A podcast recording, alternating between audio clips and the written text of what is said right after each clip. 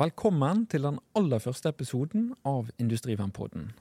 I denne episoden vil du få vite det du trenger å vite om hva et industrivern er, hvem som trenger det, og historien bak Industrivernet og NSO.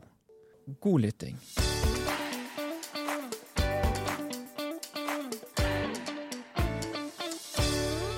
Til dagens episode har vi fått med oss vår direktør, Knut Oskar Gilje. Velkommen til denne første episoden, Knut Oskar. Tusen takk, Eivind. Dette blir stas. Ja, som eh, leder av NSO, eh, kan du fortelle egentlig hva et industrivern er? Ja, det bør jeg kunne gjøre, da. Ja, håper det. ja.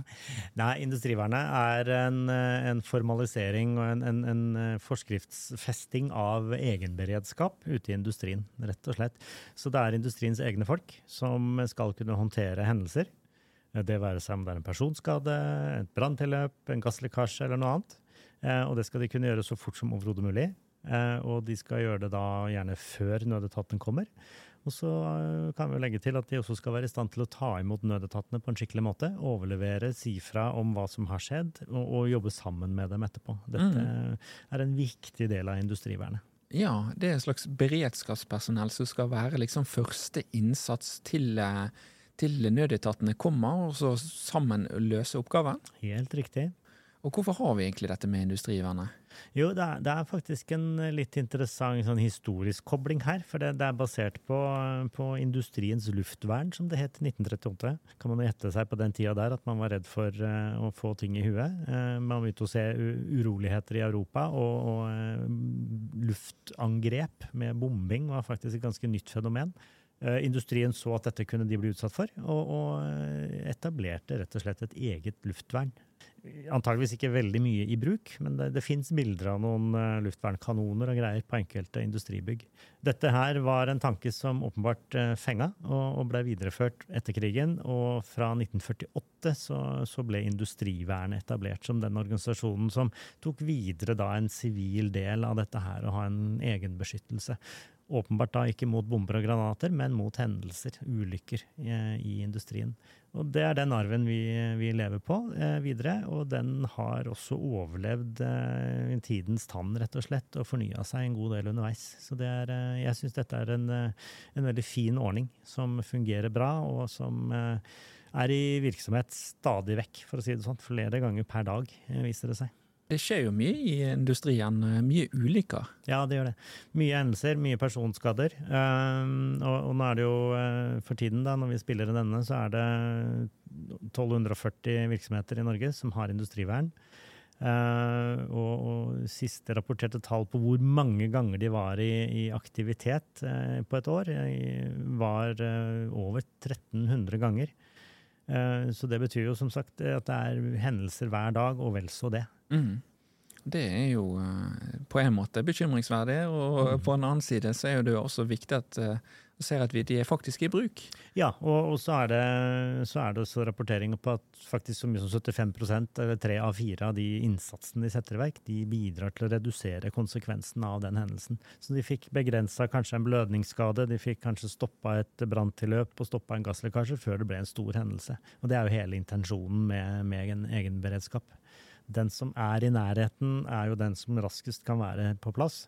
Og, vi har jo da selvfølgelig en egen forskrift som nevnt, og med da diverse krav, som vi skal komme tilbake til i denne serien. Um, veldig viktig er jo da å, rett og slett å forstå hva som kan skje. Man har en oversikt, at man kartlegger risikoen. Uh, og så at man lager planer for å håndtere det. At man ikke minst, vil jeg si, da øver. Mm. Det kommer vi i hvert fall tilbake til i, i episoder etter hvert. For det er det som gjør deg god. Du blir ikke plutselig god. Så, mm. så, øvelser er et viktig element i det å få på plass en egen beredskap. Og det, det, gjør jo at dette her er ikke en frivillig klubb på noen måte, dette er en plikt. Mm. Og jeg tenker jo Det er jo fint at uh, du har en, noen som kan ta vare på de altså Det skjer jo ulykker i uh, virksomhetene. Mm. Og da har du gjerne en kollega som kan ta vare på deg hvis det har skjedd noe med deg. Absolutt. Og, og vi har en liten sånn payoff vi bruker av og til. altså Industrivernet bidrar til å redde liv og arbeidsplasser. Mm. Og det siste er jo også et sånn samfunnsmessig perspektiv. altså En del bedrifter har jo type hjørnesteinskarakter. At det, det, det er helt avgjørende for at bygda skal overleve store arbeidsplasser på relativt små steder. Eh, hvis de får en større hendelse, så kan det være kroken på døra. Og det kan ha dramatiske konsekvenser for en del lokalsamfunn. Det ser vi jo i en del tilfeller da. Og for å spille videre på det, så ser vi jo også at hvis det, hvis det skjer noe, så eh, Eller hvis, man, hvis hele virksomheten ryker, så kan jo det masse kontrakter også ryke. Oh, ja. også. Ja, ja. Veldig, veldig godt poeng, det. altså. Og det er, eh, nå er jo markedet er jo rett og slett eh, ikke veldig snilt mot de som ikke greier å levere. Det er klart Hvis du sitter og forventer å få en vare inn, og så får du beskjed om at nei, fabrikken er brent ned, ja, da må du jo finne en annen leverandør. Og da er det fort gjort at det blir den leverandøren du fortsetter å ha, også etter at den eh, fabrikken som opprinnelig brant ned, er, er, i gang igjen. Mm. Og da er det ikke sikkert du faktisk greier å komme opp igjen. Det er sant, det.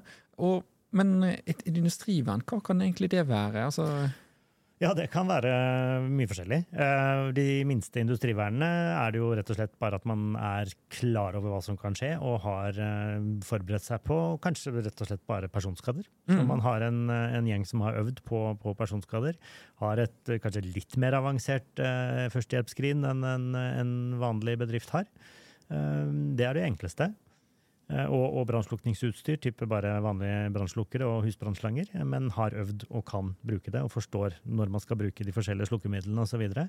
så, så, så du hører, det er, jo, det er, jo, et nivå over hvem som helst, så det er viktig. Og så har vi jo helt i andre enden har vi de som har en, en stor brannstasjon med flere biler, masse spesialutstyr og har folk eh, på vakt hele døgnet. Altså Det er døgnkontinuerlig drift. På de store prosessanleggene så er det jo sånne type ordninger. For der, jo, der, går jo prosessene hele året, hver eneste dag, hver eneste time. Og da må man ha en beredskap for å kunne håndtere store og små hendelser. Ja, det er jo veldig interessant, for da er det litt sånn ut ifra risiko. da, og Om risikoen er stor, så mm. må man gjerne dimensjonere industrivernet opp Absolutt. mot det. da. Jeg er veldig opptatt av ordet tilpasset. Tilpasset, ja. Mm. Det skal være tilpasset den virksomheten du har, og tilpasset de risikoforholdene du har. Mm. Ja, dette med risiko, eh, det er jo noe vi kommer til inn på, ja. Eh, så vi skal ikke ta alt dette her nå. Eh, så det er jo litt sånn interessant, da. Så da anbefaler jeg å høre litt på, videre på podkasten, rett og slett. Mm. Men så er det jo sånn vi jo, er jo, en tilsynsmyndighet, og det er jo her vi NSO kommer inn, Næringslivets mm. sikkerhetsorganisasjon. Ja. Hva gjør vi egentlig? Ja, si det, du. Nei, vi, vi er på tilsyn, du sa det. Ja. Det er en del av jobben vår. Vi, vi har også et, et, oppdrag som går på, som det heter, å organisere industrivernet. I, I, vår verden så vil det i praksis bety at vi driver veiledning og kurs, eh, så vi har jo en del kursvirksomhet.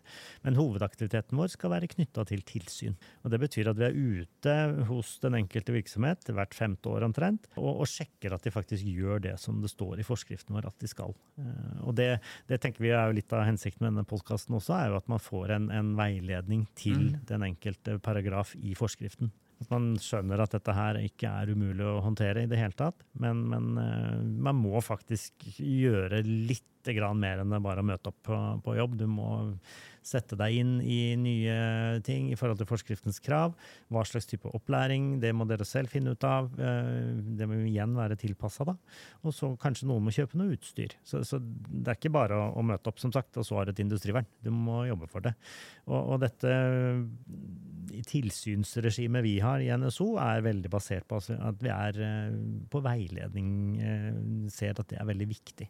Veiledning det er jo mye informasjon som kommer der. Og vi har jo også, i tillegg til denne podkasten, mange andre kilder til informasjon. Absolutt.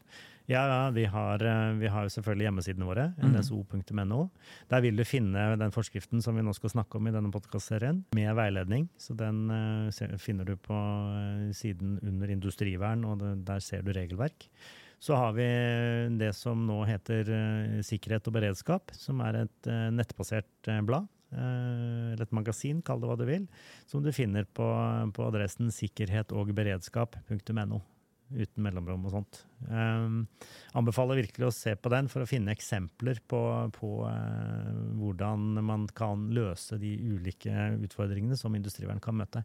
Og så er det selvfølgelig denne poden her, som etter hvert vil fylle på med, med masse fagstoff og eksempler og, og fagfolk fra, fra, andre kretser enn våre egne. Så, så dette ser jeg veldig fram til, og tror det blir et godt tilbud. Og vi ønsker også å få så mange innspill som mulig. Så hvis dere har spørsmål, hvis det er noe dere lurer på, ønsker å ha episode om, så er det bare å ta kontakt med oss, så skal vi se hva vi kan få til for å produsere dette her. Denne podkasten vil være bestående av eh, fagspesifikke episoder, hendelser og gjennomgang av forskriften. Eh, og hvis dere også har eh, lytterspørsmål, så skal vi lage episoder om dette. Så her er det bare å ta kontakt på post.nso.no, så kommer vi til å produsere dette for dere. Her er vi på tilbudssiden, så her må dere bare ta imot tilbudet. Da tenker jeg at vi runder av denne her episoden. Tusen takk for at du har lyttet på, og vi har allerede lagt ut veldig veldig mange episoder, så jeg håper dere hører gjennom det, og vi kommer til å publisere episoder ukentlig. Så god lytting.